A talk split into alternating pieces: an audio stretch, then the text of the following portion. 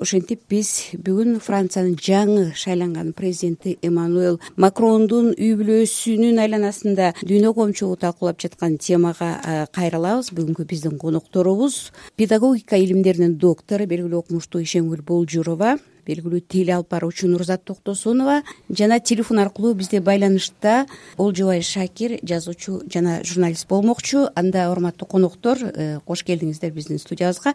Негизи дүйнөдөгү ири мамлекеттердин бири саналган ушу францияда эң жаш саясатчы деп эсептелип аткан отуз тогуз жаштагы эммануэл макрон жеңди өзүңүздөр билесиздер. Бирок эмнегедир бул жеңишти талдоочулар? Бир топ талдоочулар ушу аялдын жеңиши болду деп айтып жатышат да. Чын эле ушул макрондун жеңишинде аялдын орду салмактуу болдубу деген суроону мен сиздерге адегенде бергим келип атат. Ишенгүл айым кандай дейсиз? Менимче бул аягына чейин туура эмес нерсе. Анткени эммануэл макрон өзү таланттуу экономист катарында ротшильдердин дагы банкында иштеген.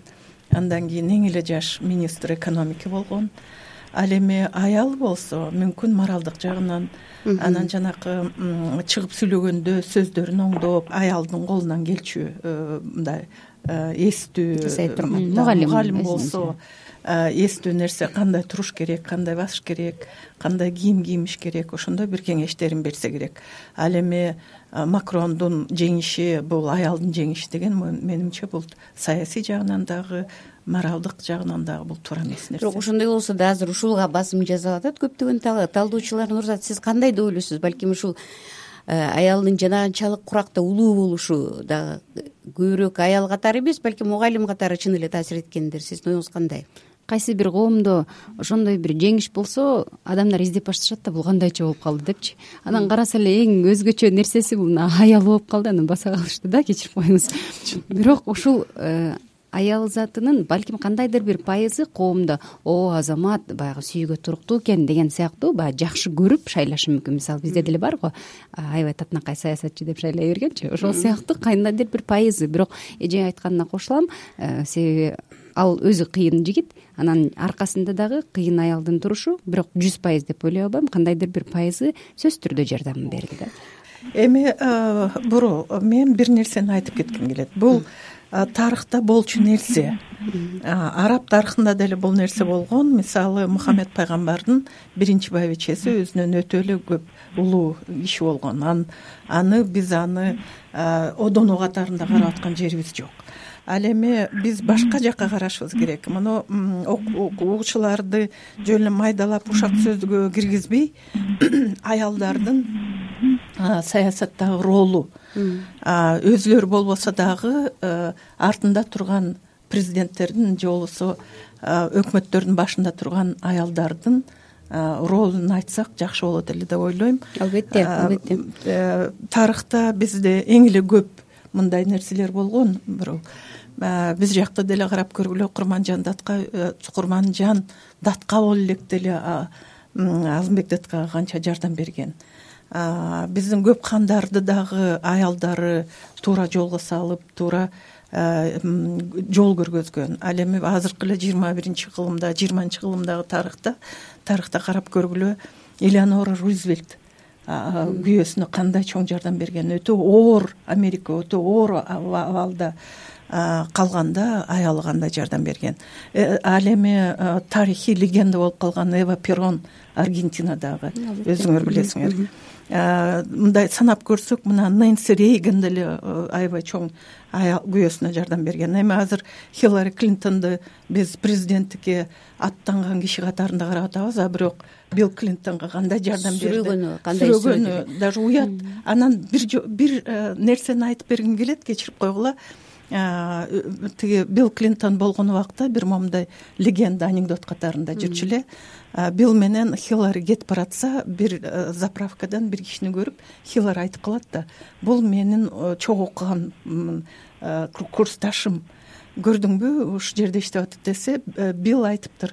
Көрдүңбү сен буга тийсең сен жөн эле ушундай жөнөкөй эле э, кишинин аялы болмоксуң десе май куюучу болуп калмаксың деп. хиллари болсо айтыптыр жок мен буга тийсем ал президент болмок туура айтасыз мен ушул суроону ушул суроону э, олжобайга бергим келип атат. Кыргыздагы эркекти сүрөөгө келгенде аялдын кыргыз аялдын ошо эркекти бийик даражаны көздөй сүрөөнүн кудурети канчалык бүгүнкү күндө деген суроону ушу олжобай сага бергим келип атат бул эми илгертен калган көрүнүш деп айтып атат мындай ишенгүл эжебиз эркек деген сүрөйт аялды ушундай кудуреттүү деп. А кыргызда кандай ушул эркекти сүрөө кудурети биз тик эле кыргыздар эмес чыгыш элдеринин бир аң сезиминде калыптанып калган бир өктөмдүк сезим бар да. Мындайда аял затка болгончу. Аял зат баягы бир үй бүлөдө эркектен кийин экен ар бир аял өзү деле аң сезиминде бир табият берген мыйзам менен эреже менен бир ошону карманат да. А бирок ушуну бир өрөөн парагын көрөбүз да. Улуураак аялга үйлөнүп алганы же болбосо аялга бийликти алдырып койгону бир бир эркектин пасттыгындай аны муну көргөндөн атып мен жеке өзүмдүн тагдырыма айтчу элем мен мурунку өзүм раматылык биринчи келинчегим өтүп кетти. Ал менден он үч жашка улуу болчу да. Үч баласы менен алганмын. А бирок турмушта ала экөөбүз эр шаркак жашап келдик да. Мен мисалга бир туугандарым өлдү ата энем өлдү бирок мен ошол боорумду тарткандай келинчегим э, кайышкандай кайыша алган эмесмин турмуштачы себеби баягы турмушта мен канчалык жеңилдигим тоодой таянычым ошол экенин сездим да. Баягы он беш жыл эр шаркак жашоо сүрүп келдик. Ошол эле учурда э, баягы мен башка деле жора жолдошторду көрүп жүрдүм да өзүнөн улуураак э, келин кесектерге үйлөнүп калса бир корунуп ошондон психологиялык жактан бир жабырланып ал эмес бир коомчулукка аралаштыра албай ошо менен күлүп жайнай албай жүрүп да өмүрүн өткөрүп жибергендерди көрдүм да. Туура а мисалы мен өрөөн параң көрчү эмесмин келинчегимди койкойт жанымда ээрчитип алып мындай э, филармония театр эс алган жерлерде чогуу эле жүрсүм да алар кайра мага болгон мамилеси алардыкы өзгөрчү да э, себеби баягы мен андай деп жеке бир жеке жашоомду мен өзүм көзүмдү таңып жасаган жокмун да аң сезимдүү түрдө жасаганмын да. Бирок анан мен деле менин оюмча олжобайга чоң рахмат деп айтыш керек. Анткени бул э, сүйүү адамга дүйнөдө биринчи жолу бир эле жолу келчү нерсе деп ойлойм. Андай э, сүйүүгө ромео джульеттага барабар келген шекспирдин драмаларына трагедияларына барабар келген нерсени бул чанда чанда гана адамдар өзүнүн башынан өткөзөт. Бирок эми э, кыргыз коомчулугунда бул бирин серин да олжобай э, сиз сыяктуулар да негизинен негизинен э, буга жалпы коомчулук каршы болот айрыкча энелер каршы да. Кыргызда эркек аялдан кичүү болбош керек деген тартип түптөлүп негизделип калган да ушул эмне себеп деген суроого мен жооп алгым келип атат. Мисалы үчүн нурзаттан билгим келет да аялдын эрте жетилишиби же кандайдыр тукумулоо зарылчылыгынан пайда болуп атат? Эмнеден бул? Баарыңыздарга суроо тукумулоо зарылчылыгынан болсо керек. Себеби эгер жыйырма беш жаштагы үйлөнө турган болсо отуз беш кыркка жакындап баягы баары бир ар бир эне көбүрөөк бала төрөлүүсүн каалайт экен да. Анан ал дагы балким биринчи себеп болушу мүмкүн. Бирок чын эле менин да жолдошум кичүү анан биз үйлөнөрдө мен такыр ойлогон эмесмин. Себеби коомдо чын эле ушундай нерсе бар экен да. Олжобай мырза айтып атпайбы корунуу бар деп чын эле корунуу бар анан мындай да ии анын аялы өзүнөн он жаш улуу экен ал тургай эки жаш улуу болсо дагы келиндер өздөрү корунганын билем да. А койчу мен андан арк көрүнөйүн анан мен андан жаш көрүнөйүн деп эле аябай аракет кылып эле ошол жөнүндө ойлонуп элечи анан ушул олжобай мырзага аябай мен дагы чексиз ыраазычылыгымды билдирем себеби аң сезими өйдө олжобай мага ыраазычылык айтыштын кереги жок тек гана биз баягы рухий эркиндикке жете албайбыз да. Сиз ошол ошол керек болот ошол ошону айтып келатам да байке.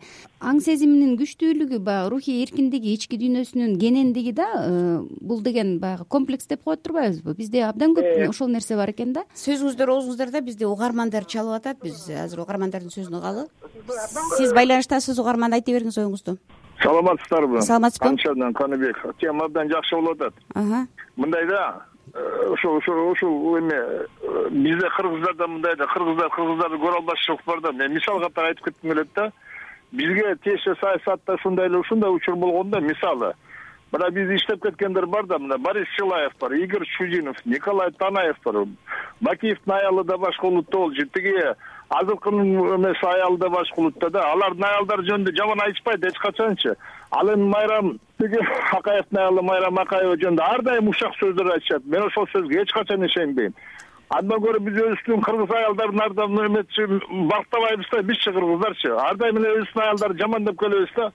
А биздин кыргыздын аялдары башка улут тиги мамлекеттердин аялдары дагы саясатта эч жердин кемчилиги жок. Керек болсо ашып түшөт бул тарыхта да бүгүн да бар ушундай нерсе.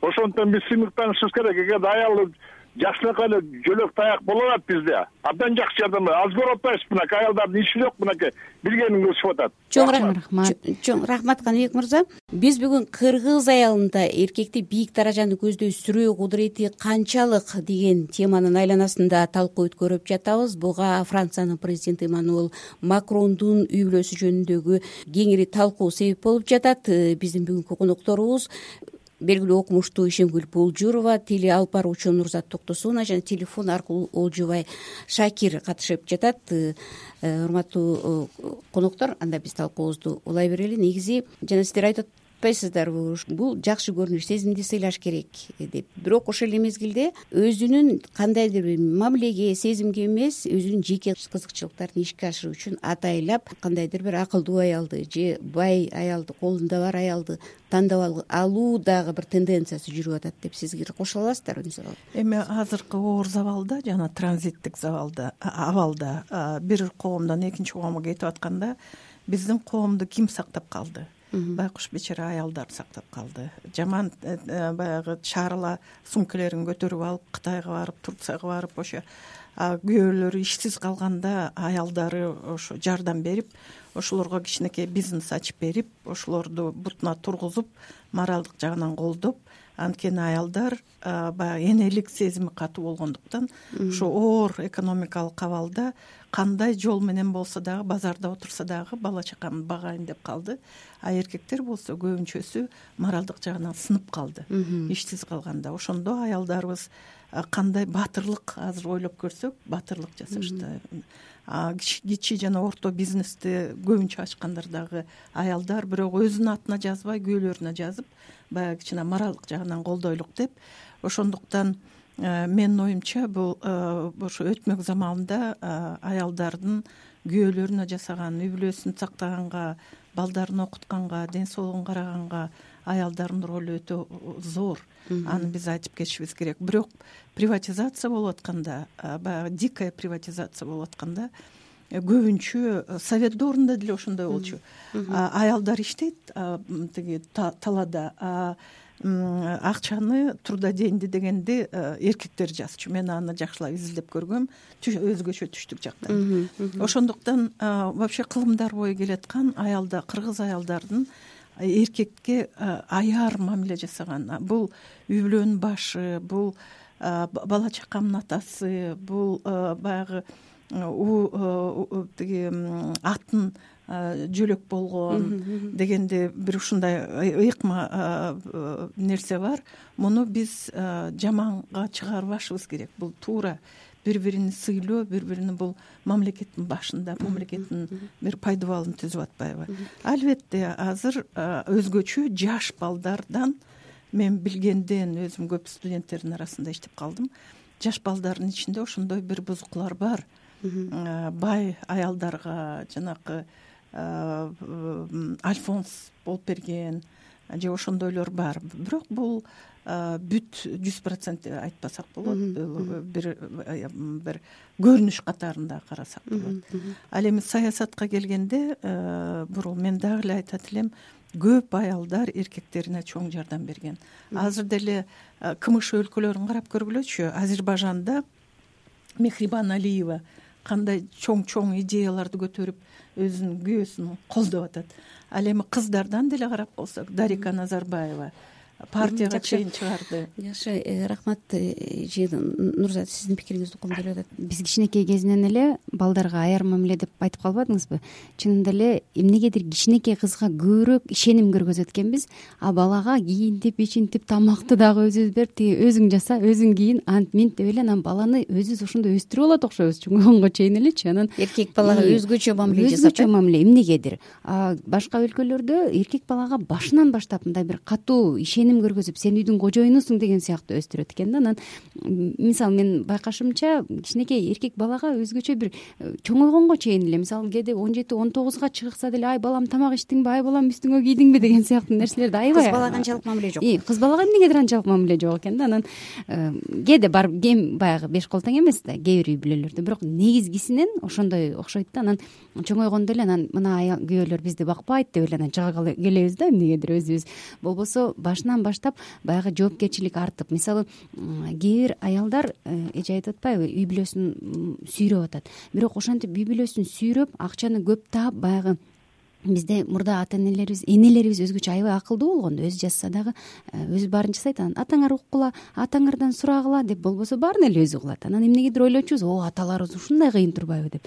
Анан кийинчерээк э, коом өзгөрүп кетти дагы аялдар ооба менге өттүк да бул ооба мен жасадым мен кылдым. Анан ошенткен сайын эркек өзүнөн өзү кичинерип баягы биздин коомдогу ордубуз алмашкансып баратат да. Мисалы аялдар эркек болуп кеткенин мен аябай көп көрдүм да. А тескерисинче бала багып үйдө отуруп калган эркектерди дагы көрдүм. Анан айтайын дегеним э, илгерки ошол энелерибизден сабак алып кандай чоң э, иш жасап атсак дагы ии ушул күйөөбүз деп өйдө кылып турсак бул жакшы нерсе болсо керек. Анан баягы темага жараша айтайын дегеним көп учурда көп чыгармачыл инсандардын дагы аялдары жакшы э, кеңеш берип алдыга сүрөгөнүн көрдүм да.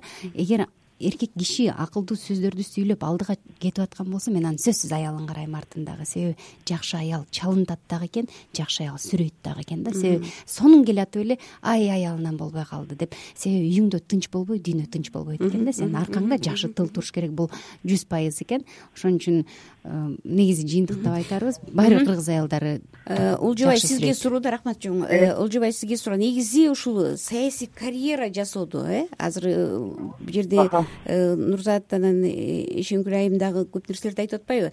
Саясий карьера жасоодо аял эркек өнөктөштүк деген нерсе бизде калыптанганбы же болбосо баягы тайтууйлап такка чыкпайт баягы аялдын башкы милдети төрөш керек очок жылытыш керек деген түшүнүктү бузулбай жатабы ошону бир ошого акаарат келтирүү болуп калабы эгерде биз ушундай түшүнүктү таңууласак биз ошол биздин коомчулукта деги эле үй бүлө баалуулугу бизде өтө солгун сөз болуп жүрөт да. Баягы э, конфликтология психология гуманитардык багытта бир деги эле аял эркектин ортосундагы роль жөнүндө деги эле мындай эркектерге гуманисттик бир түшүнүккө алып келген эмгектер гуманисттик эмгектерибиз жок болуп атат да. Жаратканчы аң сезимди өзгөртөчү себеби азыр эркектердин көп учургаканды тема кылсак маселе мындай болуп атат да. Солкулдап турган кыз келиндерге нак чарткан эркектер көбөйүп кетти да канчалаган кыздардын тагдырын кыйратып атышат. Молдокелер баш болуп башкалар баш болуп эле жашыруу никеде эмнегедир жанагы молдокеле сооп кылса эле